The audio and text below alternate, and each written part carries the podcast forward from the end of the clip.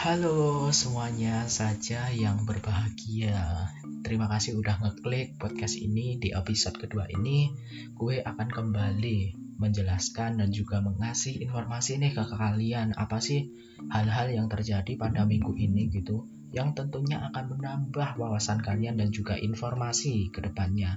Yuk simak uh, pembahasanku berikut ini Jadi pertama-tama gue akan jelasin beberapa berita-berita yang patut gue bahas secara sekilas. Namun setelah itu gue akan fokus pada satu topik yang akan gue kupas tuntas apa itu sih topiknya. Tapi sebelum itu gue akan bacakan beritanya.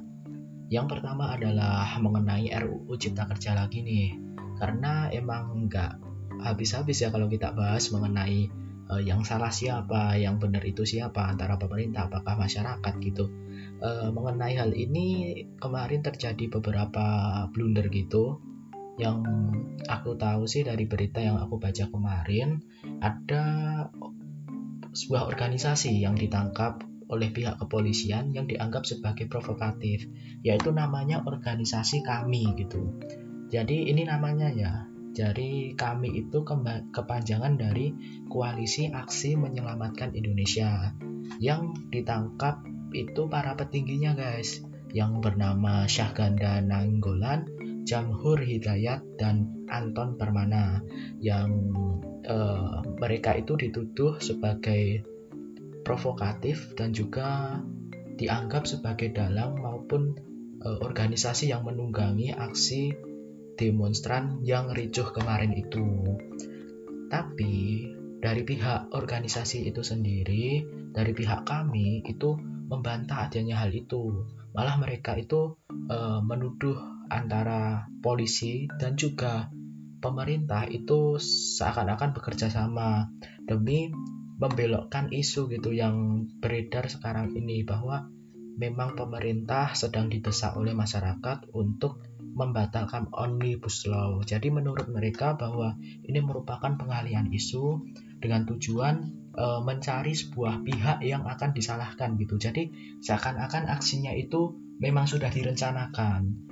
Tapi di samping itu gue juga percaya bahwa e, kepolisian itu juga nggak akan gegabah gitu loh dalam menangkap seorang, dalam menangkap organisasi dan menetapkan menjadi tersangka gitu. Pasti juga memiliki barang bukti yang cukup kuat dan juga pasti di, bisa dipertanggungjawabkan secara hukum jadi uh, pada intinya di sini gue nggak membela siapa-siapa gue juga nggak ngerti apa yang terjadi tapi kita harapkan bahwa uh,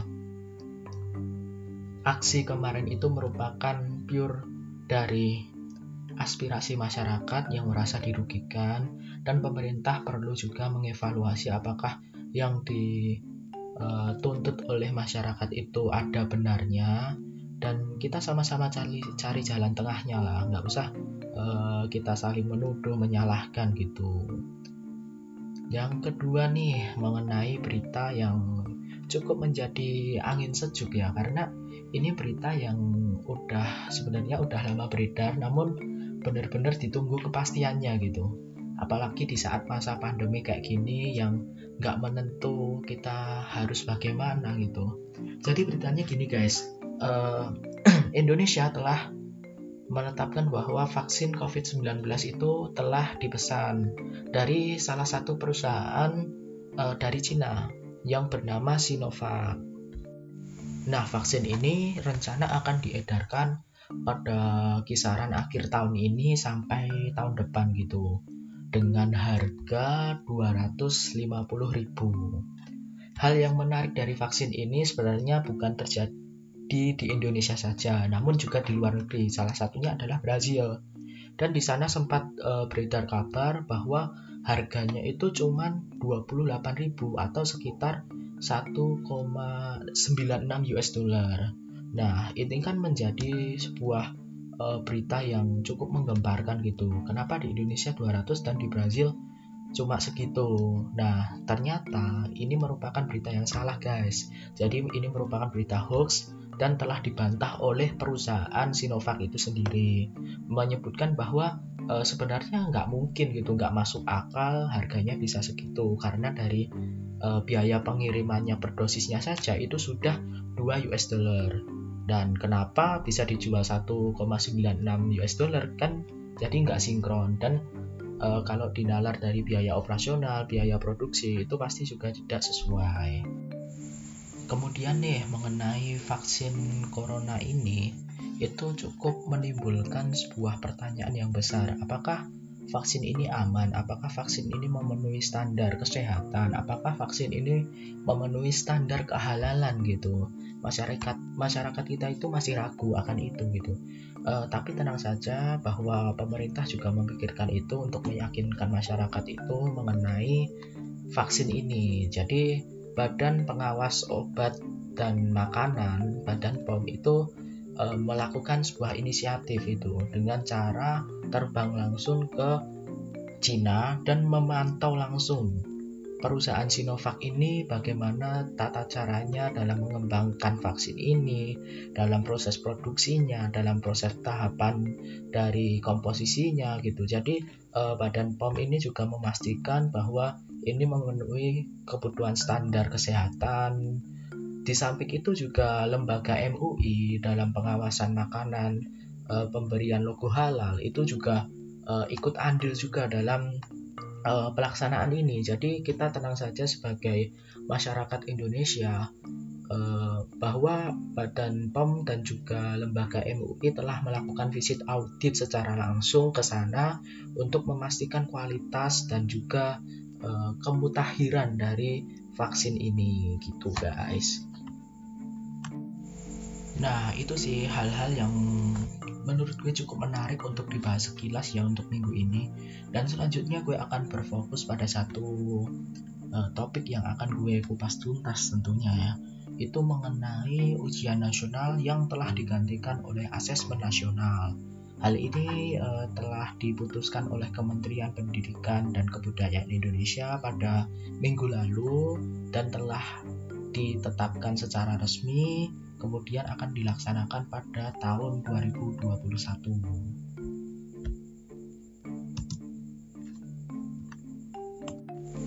Sebelum ke situ kita harus tahu nih apa itu asesmen nasional itu sendiri dan juga ini program apa sih dan tujuannya seperti apa dan uh, ini hal-hal yang perlu diketahui itu harus apa gitu. Jadi kita harus tahu itu dulu ya. Yang pertama adalah mengenai kebijakan asesmen nasional ini merupakan sebuah wujud dari kebijakan Merdeka Belajar yang telah diprogramkan dari awal Kementerian Pendidikan dan Kebudayaan ini dibentuk itu pada periode 2019 kemarin gitu. Ini merupakan fokus yang utama. E, perlu digarisbawahi bahwa kebijakan asesmen nasional ini e, merupakan pengganti ujian nasional. Namun bukan semata-mata mengganti saja, namun e, di sini lebih mengarah ke perubahan paradigma gitu. Apa sih perubahan paradigma itu? Yaitu berupa perubahan e, sudut pandang kita mengenai evaluasi pendidikan yang sebelumnya itu hanya berfokus pada penilaian individu siswa, namun dengan asesmen nasional ini menjadikan Eh, penilaian ini menjadi lebih luas gitu, memetakan evaluasi dari uh, segi sistem pendidikan berupa input, proses, dan juga sistem. Dengan penilaian ini uh, diharapkan pencapaian sekolah itu menjadi sebuah refleksi untuk perbaikan mutu pendidikan di Indonesia. Selanjutnya nih mengenai asesmen nasional itu apa sih tujuannya kenapa ada kebijakan ini gitu. Karena ini merupakan refleksi dari eh, kendala-kendala kita dalam pembelajaran gitu. Salah satunya adalah tentang pemeringkatan sekolah. Nah pada waktu dulu itu sebelum adanya asesmen nasional ini uh, ujian nasional ini menjadi sebuah patokan atau indikator sebuah sekolah itu bisa menaikkan akreditas dan juga pemeringkatannya. Nah, ini kan menjadi sebuah problem yang uh, seharusnya itu bisa kita perbaiki mulai dari sekarang dengan adanya pendidikan uh, asesmen nasional ini gitu. yang sebelumnya gue rasa itu nggak efektif ujian nasional itu ya e, dengan kepentingan antara murid dan juga guru itu berbeda dan saling bertolak belakang gue jelasin nih secara gamblang ya jadi ujian nasional itu sebagai indikator pemeringkatan sekolah itu dulu dan ini membuat pihak sekolah itu berkepentingan untuk mempertahankan peringkatnya atau meningkatkan peringkatnya dengan menuntut siswa e, mempunyai nilai yang paling baik, paling terbaik dalam menjalani ujian nasional. Nah, sedangkan dengan siswa itu bertolak belakang. Siswa sendiri menganggap bahwa ujian nasional itu tidak terlalu impact baginya, tidak terlalu berdampak dan juga tidak terlalu banyak manfaatnya gitu karena yang dibutuhkan siswa itu adalah pembimbingan dan juga uh, pembelajaran mengenai uh, usaha untuk menuju jenjang pendidikan yang berikutnya yaitu ke perguruan tinggi sedangkan ujian nasional tidak digunakan untuk mendaftar maupun sebagai syarat untuk mendaftar di perguruan tinggi. Dan tidak ada nilai plusnya gitu. Jadi di sini terjadi sebuah gesekan atau e, bersinggungan gitu antara kepentingan sekolah dan kepentingan siswa itu sendiri. Sehingga ini nggak berjalan efektif dan seakan-akan ada sebuah keterpaksaan dalam pelaksanaannya dengan begitu lahirnya e, kebijakan ini yang berupa kebijakan yang setidaknya akan membuat siswa dan pihak sekolah itu sejalan gitu.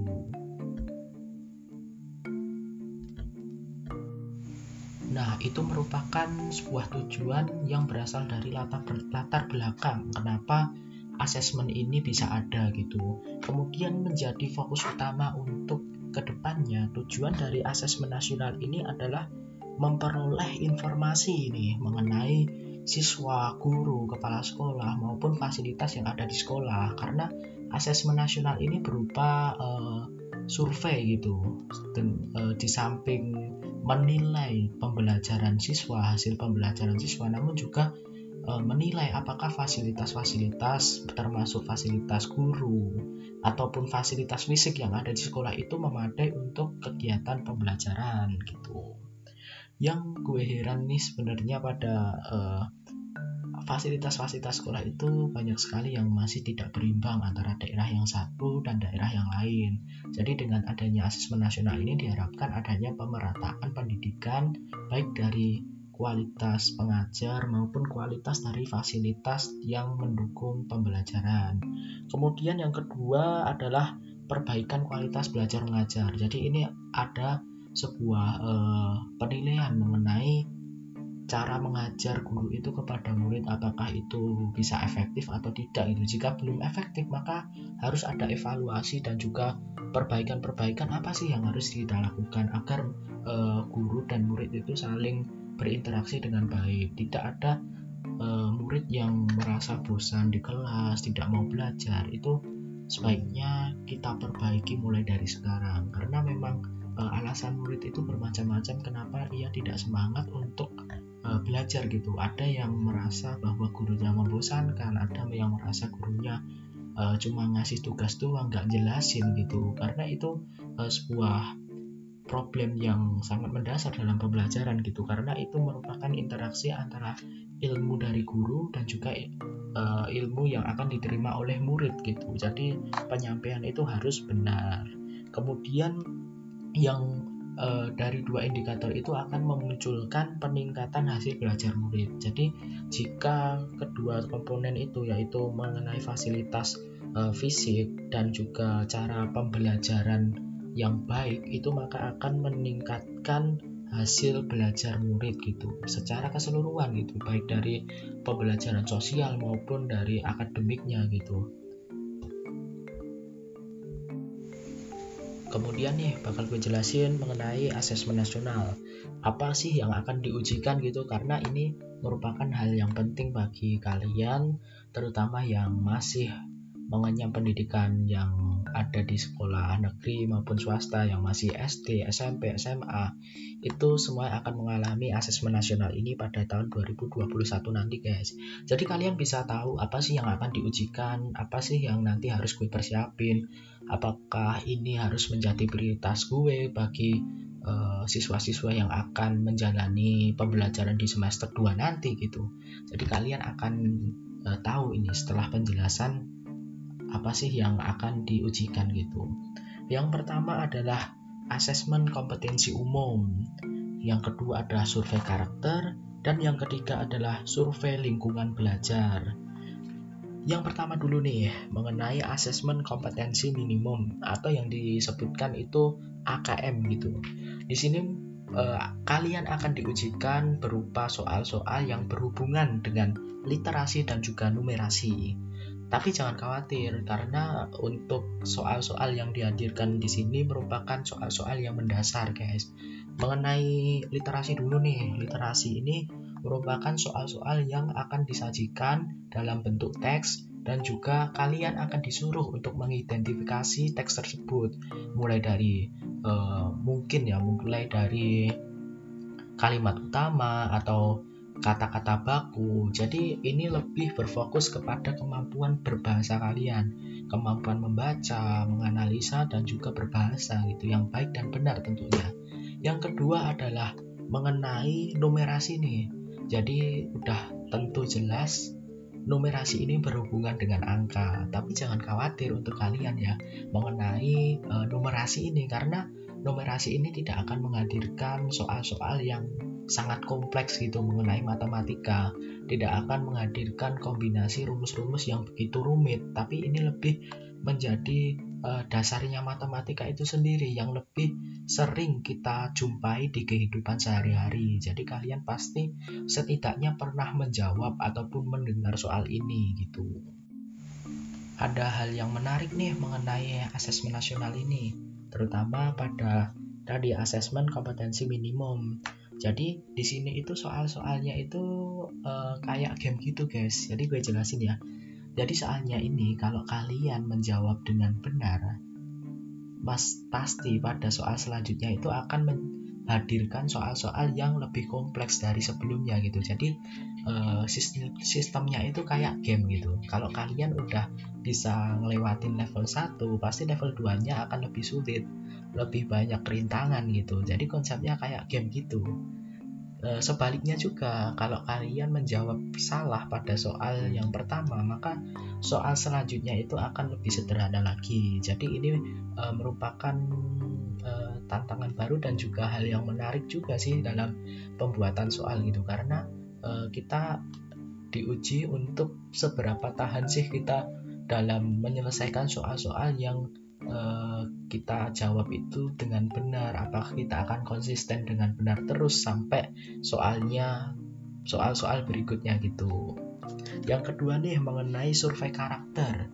Yang menarik mengenai survei karakter ini kalian nggak perlu belajar guys. Ye yeah, nggak perlu belajar kalian. Karena kenapa? Buat survei diri sendiri aja belajar gitu uh, soal ini mengenai survei karakter ini sejenis soal-soal yang berhubungan dengan psikotes atau psikologi kita gitu. Jadi kita nggak perlu uh, untuk belajar dengan apa sih soal-soalnya gitu nggak perlu karena ini merupakan penilaian dari diri kita sendiri. Cukup menarik juga ini dihadirkan dalam sebuah uh, pengujian ujian gitu ya karena kita di sini bisa tahu apa sih kelebihan kita, apa sih kekurangan kita gitu. Jadi untuk ke depannya kita bisa memilih nih misalnya mengenai pekerjaan, apa sih pekerjaan yang cocok buat saya, apa sih pekerjaan yang harus gue hindarin gitu supaya gue bisa memaksimalkan pekerjaan yang semestinya harus gue lakukan. Yang ketiga nih mengenai survei lingkungan belajar ini uh, merupakan ujian yang beda dari yang sebelumnya itu. Kalau asesmen kompetensi minimum dan juga survei karakter itu dilakukan oleh siswa, kalau yang ketiga mengenai survei lingkungan belajar ini tidak hanya dilakukan siswa, namun guru dan juga kepala sekolah pun ikut uh, andil dalam penilaian ini gitu. Karena ini merupakan survei lingkungan belajar yaitu sekolah itu sendiri. Jadi mulai dari aspek siswa, aspek guru, aspek kepala sekolah, mungkin ada juga uh, tukang kebun atau dari pegawai-pegawai TU itu dilibatkan semua dalam survei ini dengan uh, supaya itu data yang didapatkan dalam survei lingkungan sekolah ini menjadi kredibel gitu. Apa yang perlu diperbaiki dari sekolah itu dan apa yang harus kita canakan untuk ke depannya supaya lebih baik dalam proses pendidikan gitu. Itu merupakan komponen-komponen yang akan diujikan. Dan uh, selanjutnya gue akan ngurain penjelasan yang lebih detailnya nih mengenai tiga komponen tadi ya. Yang pertama AKM tadi. Jadi di sini yang perlu kita ketahui bahwa AKM itu tidak semata-mata menghilangkan esensi mata pelajaran lain gitu. Itu tidak ada yang tujuan seperti itu. Karena kita tahu yang diujikan hanyalah literasi dan numerasi. Namun yang harus kita garis bawahi dan kita sadari bahwa literasi dan numerasi itu merupakan dasar kita untuk mempelajari segala ilmu yang ada di dunia ini. Karena dengan kemampuan literasi kita yang baik maka kita akan mem memahami setiap ilmu itu juga dengan baik.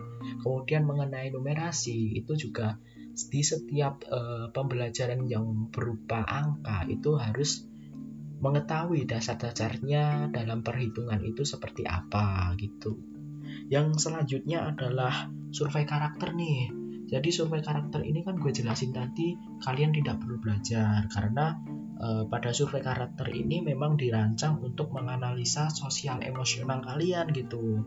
Yang dialami siswa itu seperti apa selama pembelajaran di sekolah. E, dengan berusaha untuk mencetak beberapa pola karakter nih yang harus diwujudkan setiap siswa saat pembelajaran di sekolah. Yang pertama adalah beriman dan bertakwa kepada Tuhan Yang Maha Esa. Kenapa ini menjadi hal yang paling utama? Karena kita ketahui bahwa uh, agama itu merupakan pondasi kita dalam bertutur kata dan juga berperilaku itu selama di kehidupan kita. Ini merupakan sebuah pedoman utama yang harus dimiliki oleh setiap siswa. Setiap orang bahkan di dunia ini seharusnya memiliki agama agar menjadi sebuah pedoman dia gitu. Yang kedua adalah kebinekaan global. Kita mengetahui sendiri bahwa di sekolah itu begitu banyak komponen-komponen orang yang berbeda-beda dari kita apalagi kita di Indonesia gitu di Indonesia merupakan kebinekaan sebuah bingkai bagi semua orang yang memiliki perbedaan itu. Namun perbedaan ini harus kita maknai dengan positif tentunya ya. Bukan kita malah rasis kepada seseorang gitu. Kita nggak boleh melakukan hal rasis gitu. Misal kita membeda-bedakan teman, dia uh, dari suku apa, dari Cina kah, dari Jawa, itu tidak boleh kita membeda-bedakan seperti itu. Karena kita merupakan satu, yaitu Indonesia yang berbingkai kebinekaan. Jadi sifat ini merupakan sifat yang juga harus menjadi prioritas nih selama pembelajaran. Kemudian yang ketiga adalah sebuah kemandirian. Pembelajaran di sekolah itu merupakan uh, sebuah pendidikan karakter gitu. Jadi nggak semata-mata kita belajar mengenai mata pelajaran tentang uh, IPA, IPS itu tidak, tapi lebih uh, lebih pentingnya menurut gue itu merupakan pendidikan karakternya gitu terutama karakter mandiri ini karena kita uh, dituntut selama uh, selama pembelajaran itu harus mandiri mulai dari TK, SD, SMP dan SMA gitu. Kita ingat bahwa TK saat kita taman kanak-kanak itu masih kita ditemani oleh orang tua. Kemudian kita berlanjut nih ke sekolah dasar. Kita mulai berangkat sekolah sendiri namun masih ada nih sifat-sifat yang manja kepada orang tua. Kemudian kita udah naik nih ke SMP SMP mulai mandiri nih mulai belajar untuk mandiri berangkat sendiri untuk belajar sendiri untuk memanage waktu sendiri. Kemudian saat SMA diharapkan setiap siswa itu sudah siap dengan mental kemandiriannya karena selanjutnya mereka akan menjadi seorang mahasiswa. Dan seorang mahasiswa ini uh, sangat dituntut untuk mengatur jadwalnya sendiri gitu. Apa yang harus uh, ia perbuat sekarang yang terpenting dan hal yang sangat uh, penting untuk pendidikannya ke depannya masa depannya itu seperti apa gitu. Jadi uh, kita harus belajar untuk mandiri. Selanjutnya adalah sifat gotong royong. Kita tahu bahwa gotong royong ini merupakan sebuah warisan dari nenek moyang kita dari dahulu kala bahwa masyarakat kita itu udah klop banget sama uh, sifat gotong royong gitu kalau mandang orang yang lagi kesusahan bakal kita bantu itu jadi kepekaan orang Indonesia itu sebenarnya baik guys. Jadi e, mengenai sifat gotong royong ini gue setuju banget harus ada sebuah e, penilaiannya gitu. Kemudian yang ke selanjutnya adalah bernalar kritis. Bernalar kritis di sini itu bukan kita selalu mengkritik orang untuk salah, menjudge orang itu salah gitu, tanpa sebuah solusi. Jadi bernalar kritis di sini itu lebih mengarah pada uh, gimana sih siswa itu menilai lingkungannya gitu, kepekaannya seperti apa. Jika uh, dia melihat orang kesusahan itu harus gimana. Jika ia melihat sebuah kesalahan di depan matanya itu tindakannya seperti apa lebih mengarah ke kepekaan setiap siswa itu bagaimana menyikapi kejadian-kejadian yang ada di lingkungannya dan yang terakhir ini adalah kreativitas. Eh, ini cukup hal yang menarik dan juga sangat dibutuhkan ya pada era sekarang ini. Kita sadar bahwa kreativitas dan juga inovasi itu sangat dibutuhkan pada masa industri 4.0 ini karena begitu ketatnya sebuah negara saling berkompetisi untuk menciptakan hal-hal baru dan juga sebuah ciptaan baru gitu yang berguna bagi kelangsungan hidup manusia gitu dengan adanya sifat kreativitas di setiap siswa yang selalu dipupuk dan juga di uh, pembelajar diterapkan di pembelajaran sekolah maka ini merupakan sebuah modal yang besar dan juga hal yang baik juga untuk ke depannya bagi siswa gitu.